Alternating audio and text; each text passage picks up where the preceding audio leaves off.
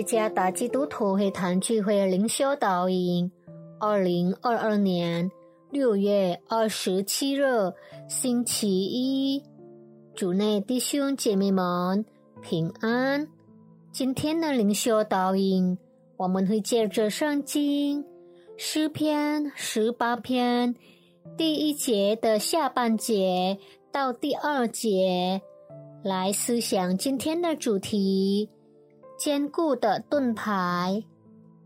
作者诗爱家传道，诗篇第十八篇第一节的下半节到第二节。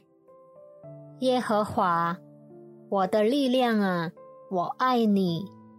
耶和华是我的岩石，我的山寨，我的救主，我的神，我的磐石。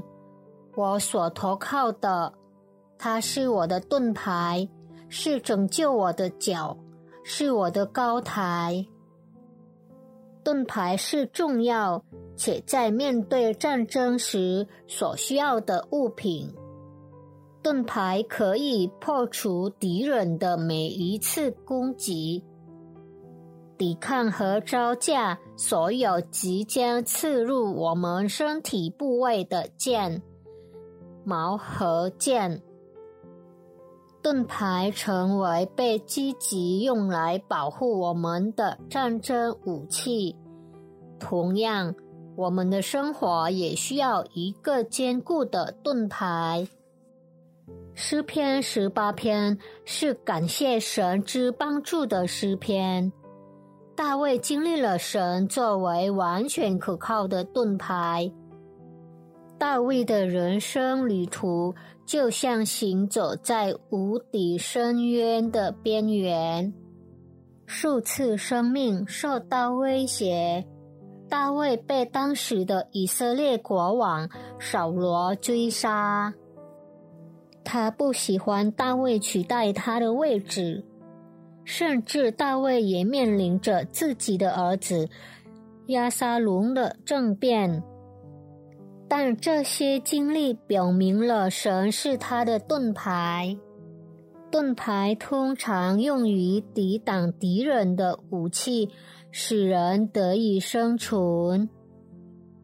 因此，这首诗篇描述了神如何出手，以拯救那些信靠他的人免受各种威胁。诗人从沉重的生活经历中意识到自己的局限和依靠神的机会。对诗人而言，神不是一个理论，而是真实的，如岩石、磐石和不可摇动的盾牌。大卫人生经历的曲折，让我们意识到，当我们活着成为基督的门徒时，无法免于挑战。大卫的经历也让我们意识到，神会永远与他的子民同在，并且永远信守他的应许。所以。当我们在生活中经历挣扎的时候，寻求并经历神，乃是一个宝贵的机会。无论多么艰难，都要让生活无比沉重的经历成为我们与神团契的过程。